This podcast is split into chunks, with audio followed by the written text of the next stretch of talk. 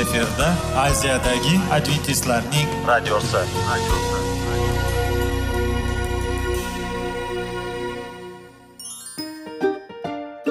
Assalomu alaykum aziz radio tinglovchilar. Sog'liq daqiqasi rubrikasiga xush kelibsiz. Zero tananing sog'lom bo'lishi va uning kasalliklardan saqlash har bir insonning burchi hisoblanadi. Inson uchun bebaho boylik bu sog'liq salomatlikdir. Uni asrash esa har birimizga omonat qilib berilgan. Shuning uchun ham inson o'z sog'lig'ini ehtiyot qilishi va ajib amallardan hisoblanadi. Dono xalqimiz sog'liq tuman boylik deb bejiz aytmagan. Aql idroq sohibi bo'lgan inson o'z hayotini qadrlashi lozim bo'ladi. Hozirgi kunda qanchalik dori darmonlar ko'paymasin tibbiy muassa sifati shifokorlar vasiyasi tibbiy texnika yaxshilanmasin. Agar insonning o'z salomatligi haqida qayg'urmasa kutilgan natijaga erishib bo'lmaydi va biz sizlarga bizning dasturimizga xush kelibsiz deymiz.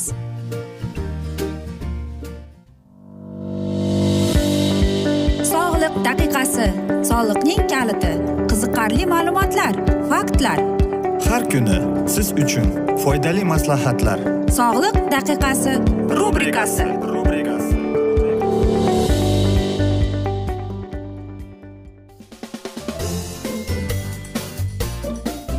assalomu alaykum aziz radio tinglovchilar. Dasturimizga xush kelibsiz. Va biz sizlar bilan sog'lom ovqat degan dasturda xushvaqt bo'ling deb aytamiz. Va bugungi bizning dasturimizning mavzusi bu olma. Albatta olma haqida biz ko'plab ma'lumotlarni va ko'plab uning foydali xususiyatlari haqida eshitib ulgurganmiz. Lekin uni qanday kasalliklarda iste'mol qilsa bo'ladi va umuman olib qaraganda olmaning qanday bizga bo'lgan foydasi bor? Mana shular haqida suhbat qilib o'taylik. Lekin ko'plab e, odamlar olmaning e, mana shu o'zining tuzatadigan va kuch quvvat beradigan kuchini bilishmaydi. Qarangki olma balkim birinchi ko'rinishda u bir oddiy va aytaylik e, bejirim ko'rinishi mumkin. Lekin bu olmada birinchi o'rinda turar ekanki uni iste'mol qilgan odam har qanday kasallikda yordam berishga harakat qilar ekan. Birinchi o'rinda bu ensefalitda yoki aytaylikki oshqozon kasalligida yoki virusli infeksiyalarda borib e, yordam berar ekan. Agar biz olmani iste'mol qilsak va mana shu kasalliklar bilan ayniqsa olimlar aytadiki olma kurashib kelar ekan. Va bu meva e, bizning tanamizni bizning organizmimizni tinchlantirishga qobiliyati bor ekan. Ya'ni agar bizning organizmimizda bakteriyali yoki e, viruslik e, mana shunday e, og'irlik bo'lsa e, demak u mana shu viruslarni yo'q qilishga harakat qilar ekan. Xo'sh agar biz kuniga olmani iste'mol qilsak siz bilarmidingiz olma bizning miyamizga u umuman kerakli va eng foydali ovqatlardan hisoblanar ekan. Ayniqsa qizil olma agar uni po'sti bilan iste'mol qilsangiz undagi antiotsidlar ayniqsa maldivin bizning Э, mana shu e, yuzimizga qizitiq yugurtirar ekan. Ya'ni ruschalab aytganda rumyanani va olma bizni ortiqcha vazn bilan kurashishda yordam beradi. Ya'ni unda falanovoid bor rutin bor gversetin bor va ko'plab fitokimyoviy unsurlar bor. Shuning uchun ham bizning tanamiz kerak emas e, mana shu temir moddalardan radiatsiyalardan xalos bo'lishga intiladi. Shuning uchun ham olmani iste'mol qilib turish kerak. Lekin olimlar aytadiki olmada glutaminon va serinin bor va aminokislotalar borligi uchun bizning miyamizni glyukomonat natriydan xalos bo'lishga yordam berar ekan.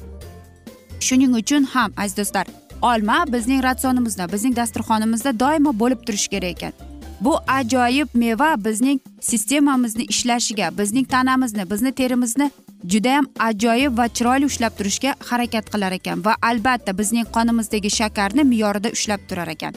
Va kerak bo'lsa bizning tanamizdagi qariyotgan e, mana shunday organizmlarni yangilab turar ekan.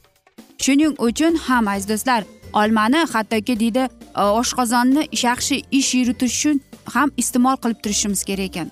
Olmadagi pektin bizning tanamizdagi bakteriya virus griboklardan xalos qilar ekan va bizdagi ishlab chiqarilgan beloklarni ham chiqarib yuborar ekan. Shuning uchun ham aziz do'stlar olmani iste'mol qilsak biz o'zimizdagi bakteriyani o'sishini oldini olgan bo'lamiz. Doimo mana shu mevani iste'mol qilsak biz o'zimizning tanamizni kerakli suyuqlik bilan uni ta'minlab turamiz ekan. Va aziz do'stlar yana aytish kerakki malibuden va marganis ham bor ekan elektrolit va mineral tuzlari bor ekan. Shuning uchun ham Э, bizning tanamiz biz olmani iste'mol qilganimizda kerakli e, namlikka o'zini to'ldirib turar ekan. Yoki masalan sportchilar e, jismoniy faol mashqlardan keyin ham olmani iste'mol qilib tursangiz e, mana shunday tanangizni kerakli me'yorda uning mana shu namligini ushlab turadi. Yoki bizni stressdan xalos qilishga yordam berib kelar ekan. Qanday kasalliklarda biz uni iste'mol qilishimiz mumkin deymizmi? Masalan bizning buyraklarimiz og'rigan bo'lsa e, jigarimiz og'rigan bo'lsa yoki alsgeymer kasalligi epilepsiya e, bizning xotira pasayishimiz va aytaylikki biz o'ta faol harakat qilamiz. Ugridan laym kasalligidan hattoki ozishga harakat qilayotgan bo'lsak virus infeksiyalarni ham yo'q qilishga harakat qilar ekan. Shuning uchun ham qanday alomatlar bor? Demak birinchi o'rinda biz qulog'imizda qandaydir ovoz eshitsak yoki boshimiz aylansa yoki bizda qandaydir bir kekirganimizda qichqiltim hid kelsa mana shularni olmani iste'mol qilib turishimiz kerak. Olma bu qadimgi ovqat hisoblanar ekan. Shuning uchun ham olmani yeganingizda siz e, qachon iste'mol qilsangiz bo'ladi? Demak siz o'zingizni charchagan parchalangan his etgan bo'lsangiz yoki siz bilyapsizki depressiyaga tushayotganingizni demak e, o'zingizda kuch quvvatni xohlasangiz olmani iste'mol qilishingiz kerak. Olma bizni bilasizmi tushkunlikka tushishni o'rgatmaydi. U bizni mana shu narsalardan xalos qiladi. Va olmani qarangki nafaqat biz o'zimiz hattoki do'stlarimizga ham bersak ular e, bizni qandaydir bir shit qilib bizni himoya qilib turar ekan. Shuning uchun ham aziz do'stlar olmani e, xarid qilishga unutmang. Doimo olma xarid qilganingizda qizil olmani tanlashga harakat qiling chunki unda eng ko'p foydali xususiyatlar bor. Kuniga uchta dona olmadan yeb ko'ring va siz o'zingizga qanday sog'lom e, sog'lig'ingizni qaytarayotganini ko'rasiz va hattoki yaxshi tomonga o'zgarayotganini ko'rib chiqasiz. Aziz do'stlar e, biz esa sizlarga yoqimli ishtaha tilagan holda mana shunday asnoda afsuski bugungi dasturimizni yakunlab qolamiz. Chunki vaqt birozgina chetlatilgan lekin keyingi dasturlarda albatta mana shu mavzuni yana o'qib eshittiramiz.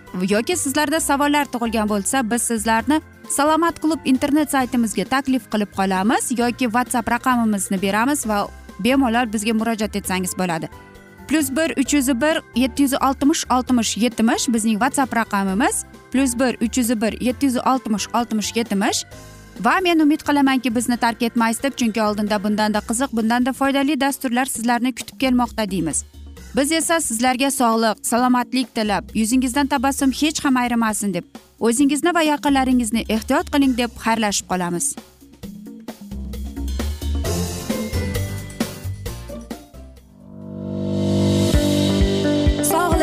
daqiqasi soliqning kaliti qiziqarli ma'lumotlar faktlar. Har kuni siz uchun foydali maslahatlar. Sog'liq daqiqasi rubrikasi.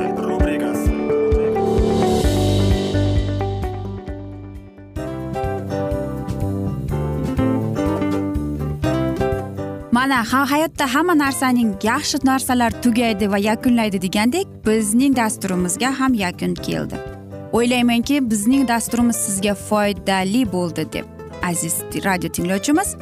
Va siz o'zingiz uchun kerakli xulosalar kerakli maslahatlar olib oldingiz. Aziz radio tinglovchimiz biz bilan qoling va keyingi dasturlarimiz albatta undanda qiziqroq bo'ladi. Mana shu alfozda sizlar bilan xayrlashib qolaman.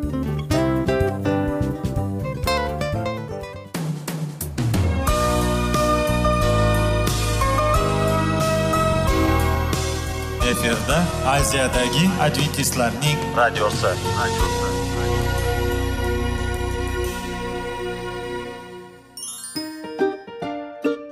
Assalomu alaykum aziz radio tinglovchilarimiz. Dil izhori dasturimizga xush kelibsiz. Pul insonni baxtli qiladimi? Albatta yo'q. Sog'liqchi. Albatta bo'lishi mumkindir. Lekin olimlar shuni isbotlashdiki to'liq va mukammal munosabatlar insonlarni baxtli qilar ekan. Albatta biz hayot davomida biz yaqin insonlar bilan odamlar bilan aloqada bo'lamiz va ular bilan munosabatlarimiz qanday kechadi qanday tuziladi? Yigit va qiz er va xotin ota ona va farzandlar va yaqin insonlar bilan.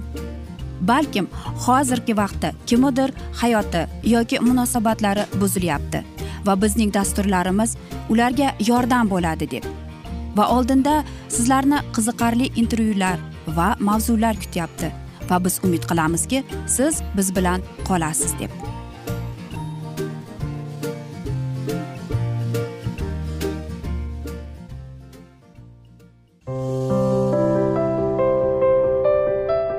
Har kuni har xil kasbdagi odamlar bilan sirlashish va bo'lishish sevgi rashq munosabat. Bularni hammasi dil izhori rubrikasida.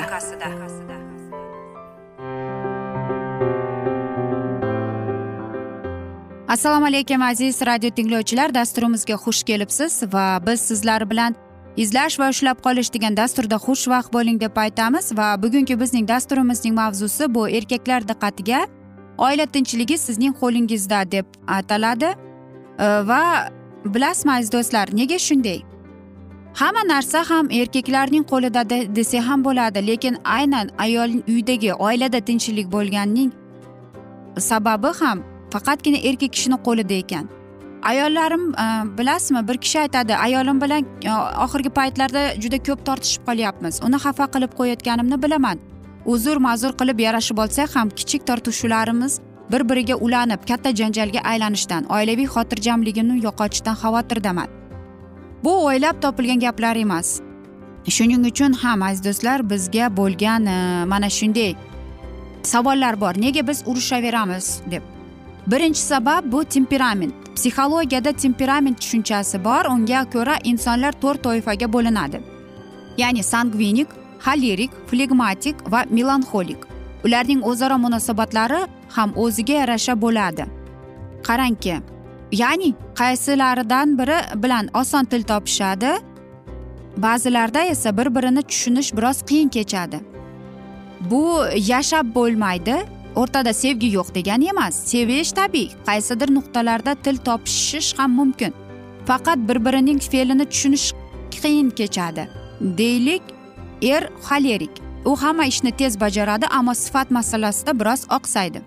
Flagmanti xotin esa sekin ish qiladi lekin hammasini maromaga yetkazadi. Erning tiliga sen ko'ylagimni dazmol qilgunchagacha men oshga borib qaytib ham kelaman degan tanbeh ko'chadiyu orada gap qochadi. Demak qaysi toifaga mansubingizni o'rganib o'zingizga xosliklaringizni inobatga olib muomala qilsangiz olam guliston. Temperament mavzusiga biz keyingi dasturlarimizda albatta qaratilib o'tamiz. Ikkinchi sabab bu oilada rollarning aniq taqsimlanmaganligi. Ya'ni er va xotin o'z vazifalarini bilmaydi burchlarini to'la ado etmaydi mas'uliyatni doimo ikkinchi tomonga yuklaydi. Natijada esa baqir chaqir. Oldini olish uchun o'z vazifalaringizni do'ndirib bajaring keyin janjalga nima sabab bo'layotganini aniqlab uni bartaraf eting deymiz. Uchinchi sabab bu o'ziga bo'lgan ishonchning pastligi. Har ikkala tomonda ham bu holat kuzatilsa uyingizning janjalning iyiniga aylanishi hech gap emas.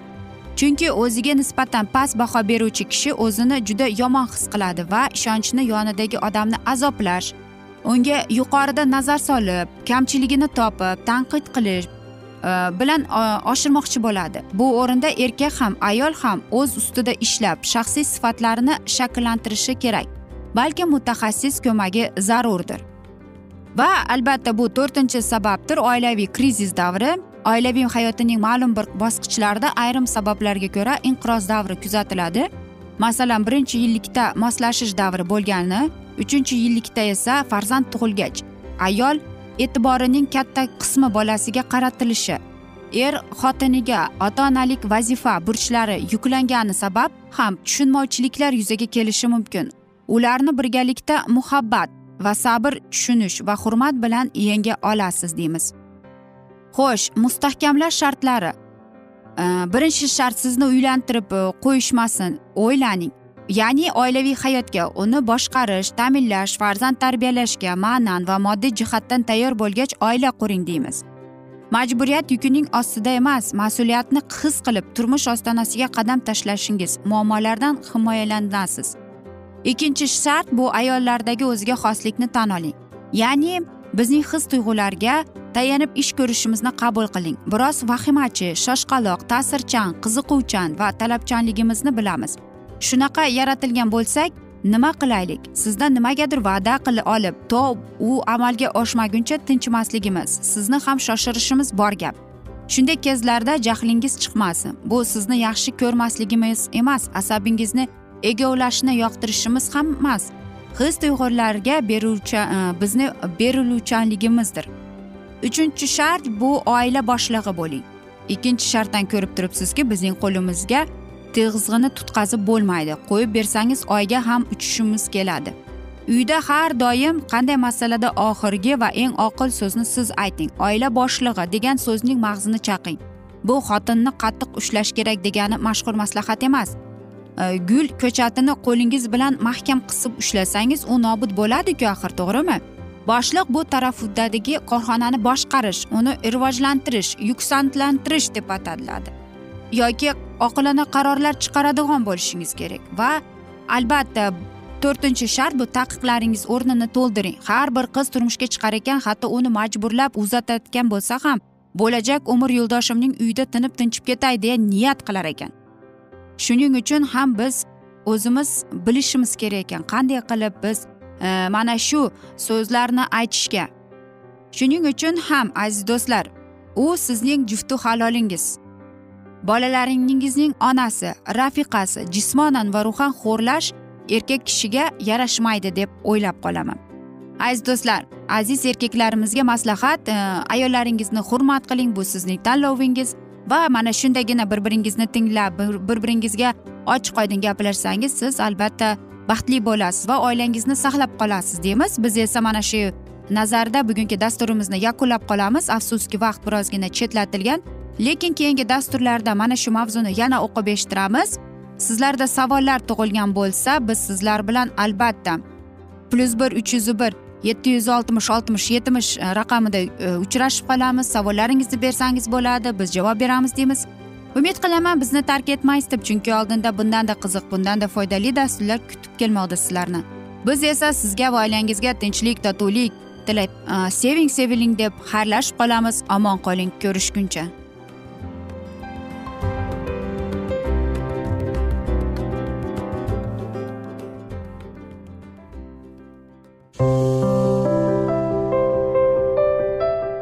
Har kuni har xil kasbdagi odamlar bilan sirlashish va bo'lishish sevgi rashq munosabat bularni hammasi dil izhori rubrikasida.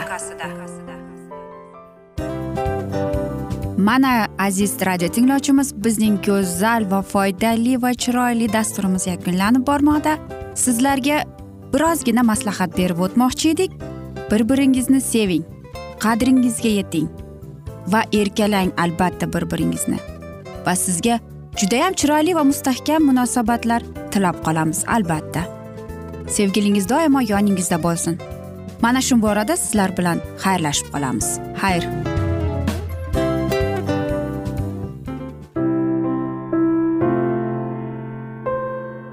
Hayotning noni. Qiziqtirgan savollar va javoblar. Buning hammasi ko'ngil uchun oziqa rubrikasida.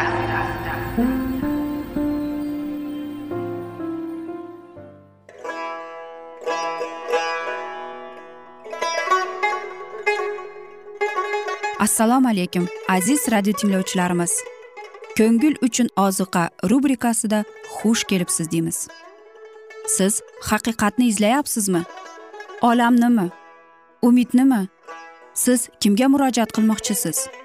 Odamlar ko'pincha siyosat kuchiga tayanadilar. Dunyo iqtisodiyoti holati tobora chuqurlashib bormoqda. Tabiiy ofatlar va texnogen halokatlar minglab insonlarning hayotini olib ketib juda katta zarar yetkazmoqda. Sizga abadiy hayot inomini hadya qiluvchi va hayotingizni tubdan o'zgartiruvchi haqiqatni izlab toping. Xudo haqidagi haqiqat uning kalomida mujassamlashgan. Kimki bu haqiqatni butun qalbi bilan izlasa albatta unga yetishadi. Bu sevgi xudoning tarixidir. Hayotingizda yoki sizning yon atrofingizdagi olamda nimalar yuz berishidan qat'iy nazar? Siz ertagi kunga buyuk umid va ishonch hosil qilishingiz mumkin. Hozirda xudo sizga taklif qilayotgan umid ishonchga o'z qalbingizni oching va sizni qiziqtirayotgan mavzularni savollaringizga javoblaringizni topib olasiz deb umid qilamiz. Biz bilan qoling.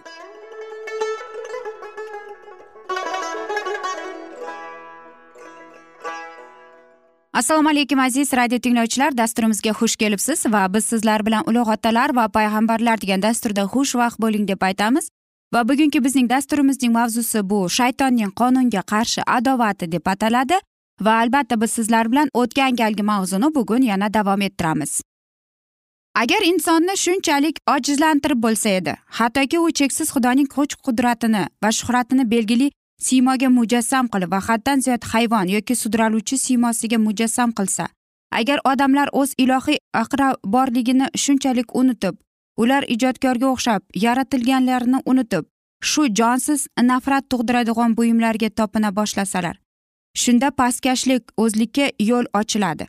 Behayo ehtiroslar cheklanmaydi va shayton odamlar ustidan o'z hokimiyatini o'rnatib maqsadga yetisha oladi deydi. Sinay tog'ining poydevoridek e, shayton ilohiy qonunni ag'darish uchun osmonda boshlagan hiylagarlik rejalarini amalga oshirishni davom etdi.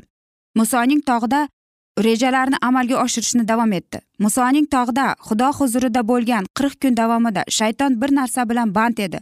U odamlarga shubhani uyg'otib ularni tisarilishiga va isyon ko'tarishga itardi. O'z xudo uning bilan ahd tuzgan isroil xalqiga o'z qonunini yaratgan paytda ular azaldan bo'lganga o'z sadoqatlarlikni buzib oltin xudolar talab qildilar. Muso ilohiy ulug'vorligining hozir bo'lgan tantanali joyini qoldirib tog'dan tushib. Odamlar yoniga qaytganida uning qo'llarida ular bajarilishda qasam ichgan qonunning ko'rsatmalari bor edi. Qarasaki ular butunlay ilohiy talablarini tark etib ehtirom bilan oltin sanamga sajda qilayotgan ekan. Odamlar azaldan bo'lganini qurf qilsinlar va surbetlik bilan haqorat qilsinlar deb shayton isroilni vasvasaga solardi va shuning bilan odamlarni halokatga duchor qilmoqchi bo'lardi. Xudo ularga taklif qilgan afzallikka va inoyatlarga binoan. Ular o'zlarini shunchalik buzuq va nomunosib namoyon qilganliklari uchun shuningdek sodiq qolishlariga tantanali nazrni buzganligi uchun endi xudo ularni o'zidan tark etib qirib tashlaydi degan umidni shayton parvarish qilardi. Shunday yo'l bilan shayton ibrohim payg'ambar urug'ini butunlay qirib tashlamoqchi edi.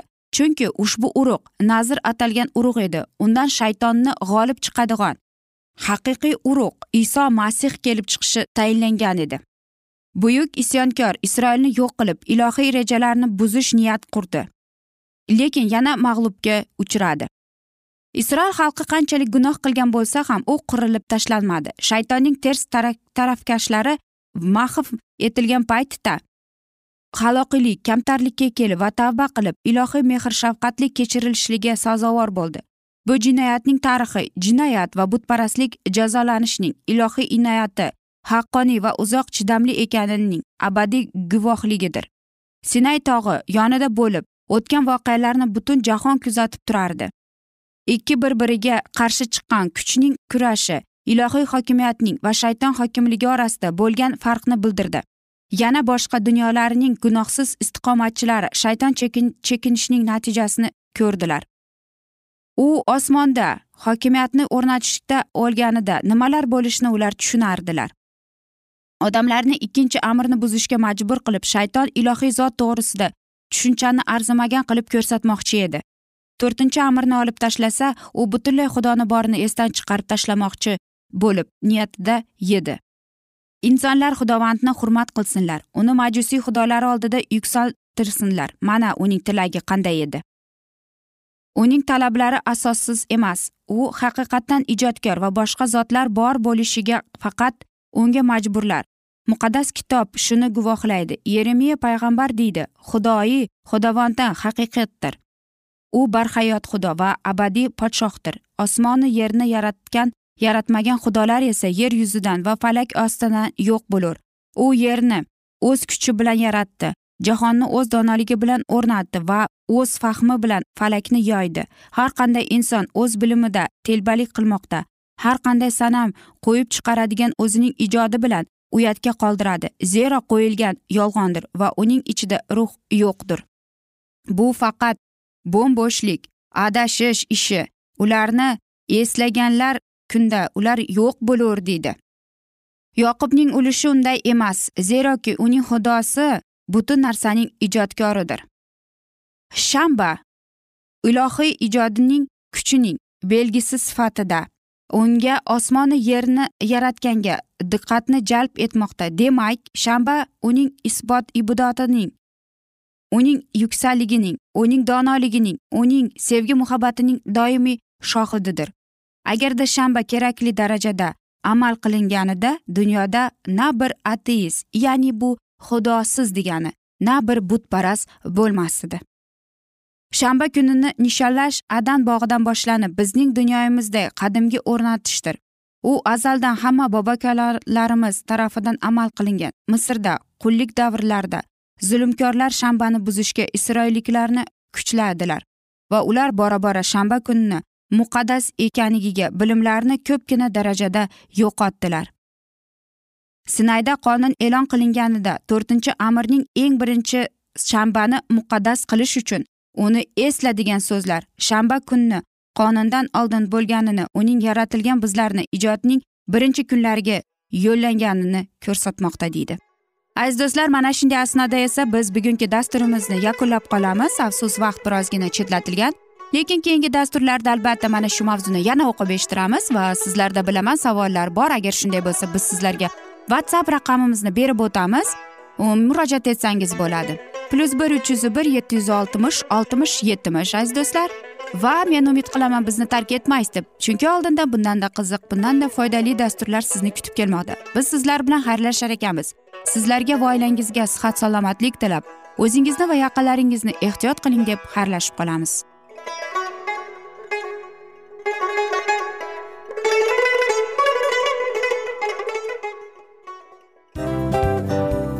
Hamma narsaning yakuni bo'ladi degandek afsuski bizning ham dasturlarimiz yakunlanib qolyapti. Va biz o'ylaymizki bizning dasturimizdan o'zingiz uchun kerakli va foydali maslahatlar olib oldingiz. Sog'liq borasida sizga foydali maslahat berganmiz deb umid qilaman albatta. Va sizlarga mana shu borada sog'liq tilab qolaman. Munosabatlarga kelganda esa sizlarga sevgi omad va albatta yaxshi munosabatlar tilab qolamiz. Uchinchisiga kelganda esa bu juda chuqur va e'tiborli nazarni qumsaydi.